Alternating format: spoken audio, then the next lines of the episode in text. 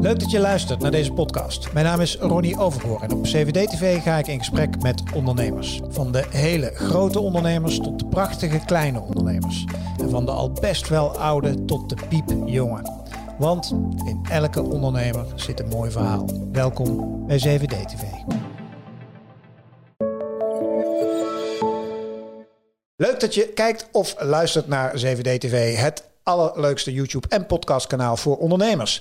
Um, hoe bouw je als ondernemer of ZZP'er een publiek op waar je iets aan kan verkopen? Dat willen we allemaal. Simpel, zegt mijn gast. Je maakt goede verhalen en bouwt daarmee vertrouwen op bij de doelgroep, zodat ze klant worden. Maar hoe dan? Daar heeft hij een boekje over geschreven. Jouw contentplan op een bierviltje. En hij is mijn gast, journalist en ondernemer Bas Hakker. Uh, Bas, van harte welkom. Leuk je te zijn. Ja, ik zeg boekje, maar uh, dat komt denk ik doordat er staat jouw contentplan op een bierviltje. Ja, het is niet zo dik hoor. Nee, uh, bladzijde 180, dus uh, is goed. Van. Beetje ja, grote letters. Beetje snel doorheen en snel weer aan de slag. Ja, precies. Heel goed. Hey, ik heb even drie soort van openingsvraagjes, soort dilemmaatjes, om even een beetje mee te beginnen. Ja. Ik, vind ik wel leuk. Uh, als, en je moet dan kiezen of zo, hè?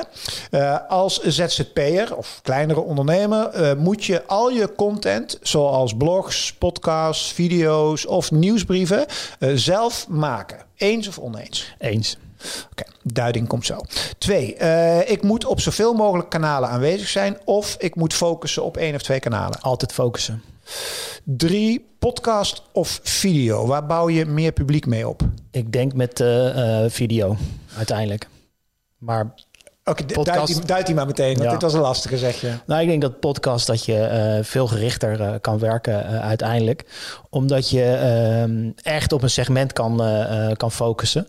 Doe het video toch ook? ja, maar ik, ik nou even een voorbeeldje. Ik maak bijvoorbeeld met een, een club maak ik FC Media Circus. Een, een podcast gaat over uh, gaat over media en sport. Dus wat er gebeurt in de, in de sportwereld en ja. in de mediawereld. En dat combineren we een beetje. Dus hoe de persconferenties van Van Gaal een beetje lopen. Ja, ja. En uh, wat wij merken is, uh, en ik heb niet zo heel veel ervaring met video hoor, maar wat wij merken is dat je heel snel een hele specifieke doelgroep kan pakken van, laten we, 10, laten we zeggen, 10, 15 mensen, mm. die eigenlijk van tevoren al kan uittekenen die interesse gaan hebben. Ja, ja, ja.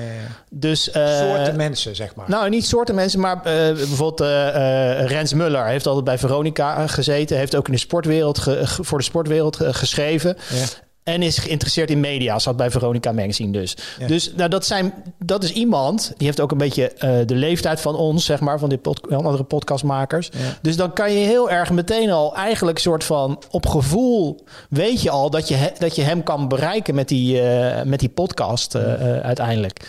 Dus ik denk dat, dat je dat, en je kan misschien wat sneller editen en wat, wat, ja, dat wel. wat sneller schakelen. Ja, functioneel natuurlijk wat makkelijker hè, dan video. Ja, en je kan, je kan heel makkelijk te delen ook en zo. Dus met video kan het ook wel tegenwoordig. Maar, maar ja, ik heb wat meer ervaring in die podcast. Uh, ja. uh, en jij, zegt, uh, jij zei in het begin ehm, dat je alles zelf moet doen, hè?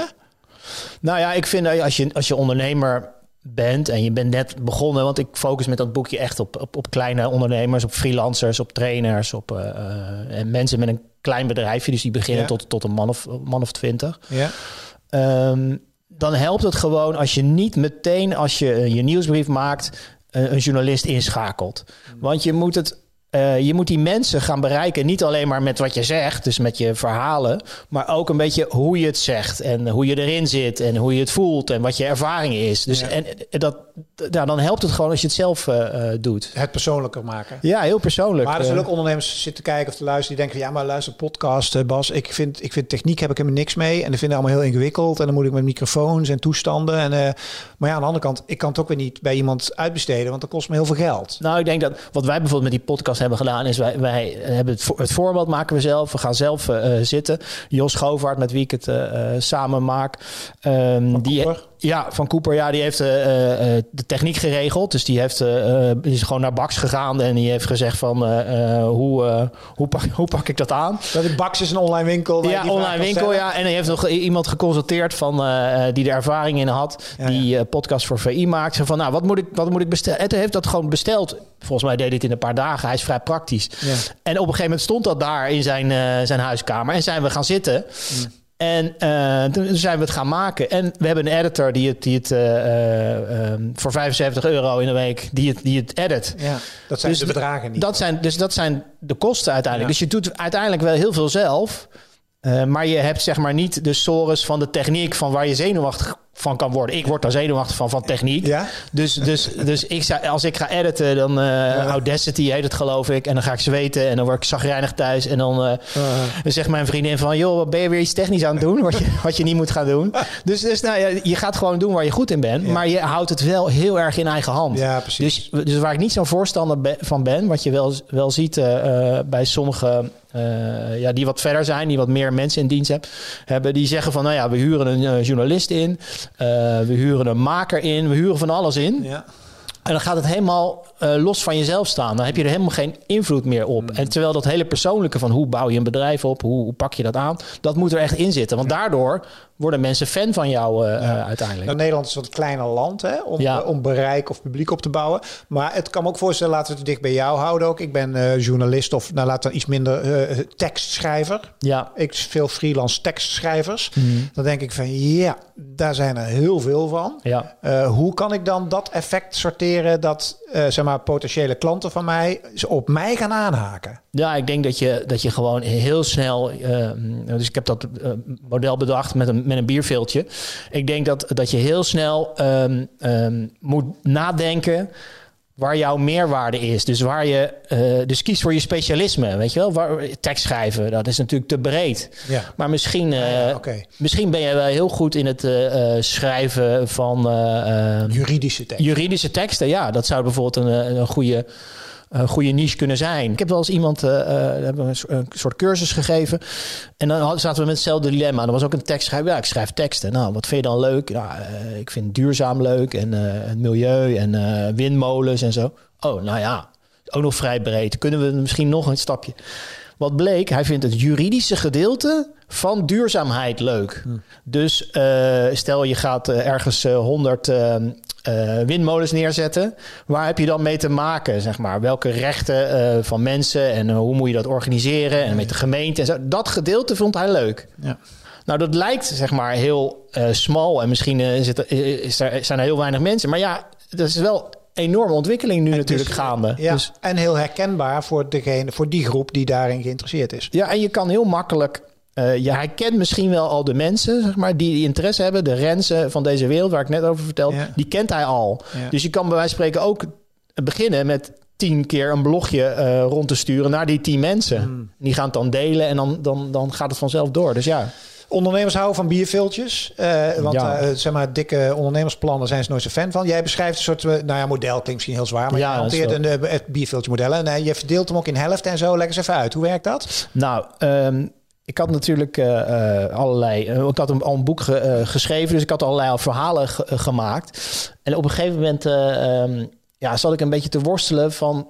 Wat is het, wat is het nou precies? Je, ik, ik, ik zat een podcast te luisteren en er vertelde een bestseller-auteur. die vertelde, Elrod heet hij volgens mij, Amerikaan.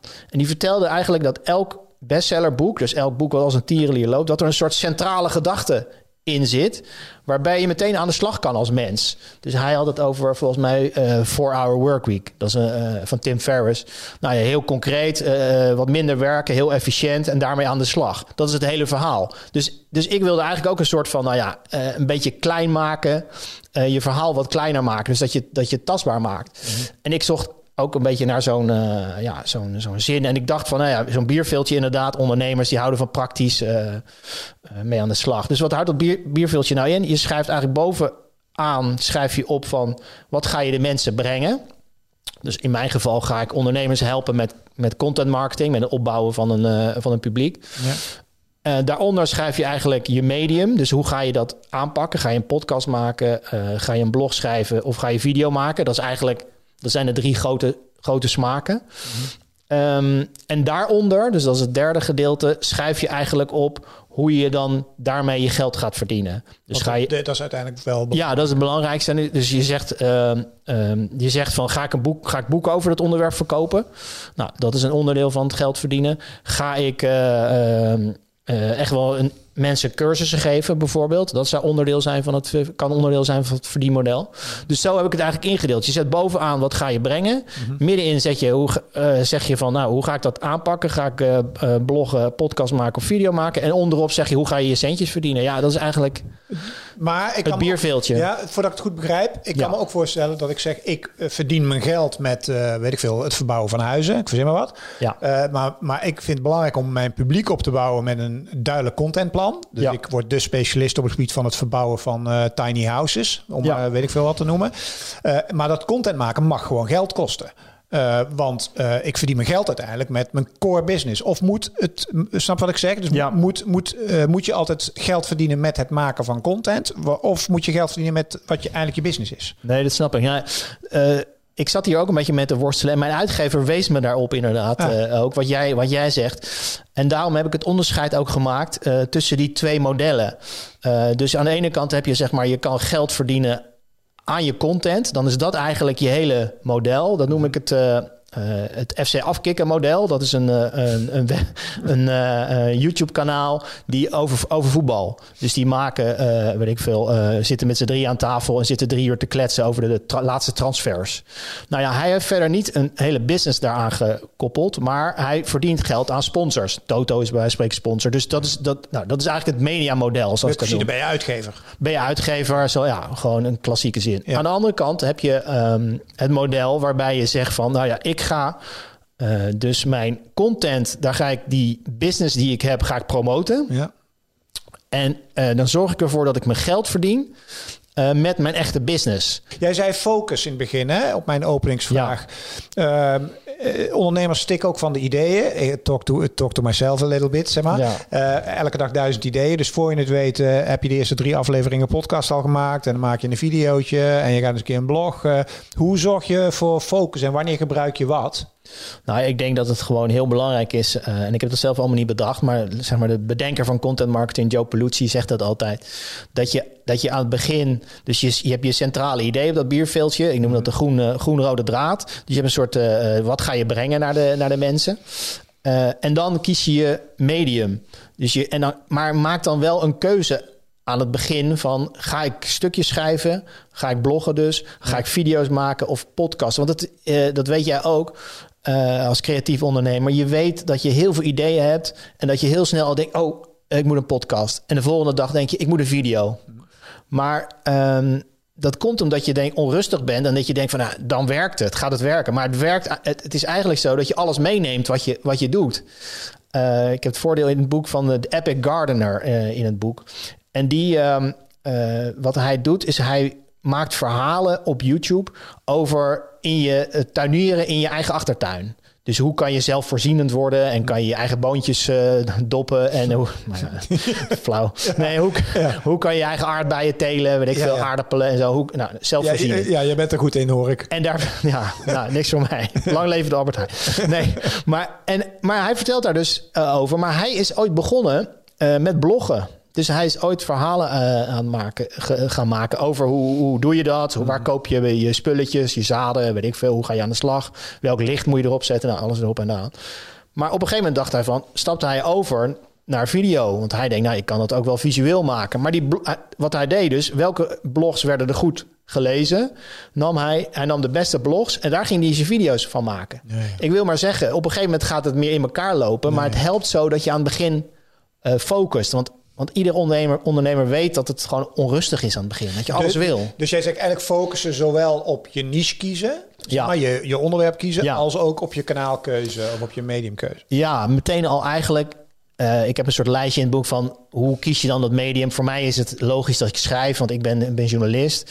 Maar vaak is het voor mensen ook heel logisch eh, om zo'n keuze te maken. Eh, misschien zit je wel in een sector waarin ze heel eh, houden van video's. Weet je wel, dat iedereen video's maakt. Als je meubels gaat transformeren, kan je je voorstellen dat je dat op YouTube, want How To is op, op YouTube heel groot. Ja. Dat hij denkt van ja, ik kan wel een blogje schrijven, maar het zijn niet van die lezers mijn doelgroep. Dan kan ik beter gewoon ook een video maken van hoe je iets transformeert. Dus zo moet je een beetje gaan spelen. Wat past er bij jou? Wat past er bij je publiek? En wat past er in die, in die sector goed? Eh, content maken is gewoon in het begin gewoon keihard buffelen en je wordt zagrijnig van, want je moeder kijkt, je oma kijkt misschien en je tante, maar er kijkt gewoon geen hond aan het begin, want je bent niet, uh, je hebt geen topkanaal, je staat niet op ad.nl, je bent gewoon net begonnen. Hmm. En het is allemaal nog een beetje brak en het gaat nog een beetje heen en weer en zo. Aan het begin moet je gewoon de tijd nemen om beter te worden. En uh, toen wij met die podcast begonnen, hadden we aan het begin gewoon, ja, ik denk dat we uh, 20, 30 me mensen hadden, zeg maar, collega's en uh, vrienden die keken. En je moet gewoon nadenken van hoe je groter wordt. En, en genieten van het moment en maak gewoon leuke dingen. Uh, en ga rustig bouwen aan je publiek. Zorg dat die mensen uh, fan van jou worden. Zorg dat, je, dat het er meer worden, maar doe gewoon rustig aan. Mm -hmm. Want het mooie aan ondernemerschap is natuurlijk... Uh, je hoeft helemaal geen miljoenen, miljoenen publiek te hebben. Nee. Ik bedoel, als jij uh, iets bijzonders doet... als jij kerken van gevels of gevels van kerken restaureert... ja, hoeveel kerken zijn er in Nederland? Ja. En dat, dat vind ik ook het mooie. Daar, dat is ook, daar breekt zelf content maken ook met de wetten van, van, van Hilversum je kan het helemaal op je eigen manier doen ja. tegenwoordig. Ja, tot slot nog meer tips om dat publiek op te bouwen. Want dat is natuurlijk wel een dingetje. Want uiteindelijk wil je wel progressie zien. Je wil le leuk dat er vijf man luisteren naar die podcast. Maar bij aflevering zes wil je wel dat het er wat meer zijn. Ja, ja wat de grote tip volgens mij is, is um, uh, wat wij bij onze podcast ook hebben gedaan, is die samenwerking met die, met die gasten bijvoorbeeld. Uh, wij hebben elke week in die podcast over uh, media en sport hebben we een gast. Uh, we hadden laatst Willem Vissers, sportjournalist van de, van de Volkskrant. Uh, en die mensen die hebben veel meer volgers dan dat wij hebben. Dus zij hebben al een heel publiek opgebouwd. En wat is er leuker dan dat je een interviewtje doet, een kwartiertje, twintig minuutjes, en je haalt er wat leuke quotejes uit. En je zegt tegen, die, tegen Willem: Joh, zou je dat kunnen delen met jouw publiek? Je bent erin geweest, we hebben leuke vragen, we hebben een leuk gesprek gehad. Ja, zij hebben veel meer publiek mm -hmm. dan wat jij hebt. Mm -hmm. En zo bouw je het op. Mm -hmm. en want dat is wel volgens mij de tip dat je. Uh, het is verleidelijk om heel erg in je eigen uh, riedeltje rond te blijven zwemmen. En af en toe, als je content maakt, helpt het om eventjes te kijken of je een wat ander publiek kan opbouwen. Met dit, met dit boek bijvoorbeeld uh, uh, werk ik ook samen met Marketing Facts. Maak ik een blogje, weet je wel. Ja. En dat is toch net even buiten mijn eigen uh, publiek. En dat leest, dan pakt misschien iemand anders het weer op. En zo gaan ze me misschien volgen. En zo kan je dat een beetje, beetje uitbouwen. Jouw contentplan op een bierveeltje. Hij is gewoon te krijgen, denk ik, hè? online en zo allemaal. Hij is via managementboek te krijgen. Bol.com en richting mij ook. Kleedkamer 4. Uh, oh ja, zo heet je bedrijf, hè? Kleedkamer 4. Kleedkamer 4 heet het bedrijf. En dan kan je altijd uh, een mailtje sturen. Dan stuur ik hem op of ik breng hem langs. Komt helemaal goed. Mag je dank voor dit gesprek. Graag gedaan. En uh, dankjewel uh, voor het kijken naar weer een video hier op CVD TV. Zoals ik al zei, het allerleukste YouTube en podcast kanaal uh, voor ondernemers. Dus als je hebt geluisterd naar de podcast, ook dankjewel daarvoor. En volg ons, zodat je niks meer mist. Dankjewel voor nu. Hoi.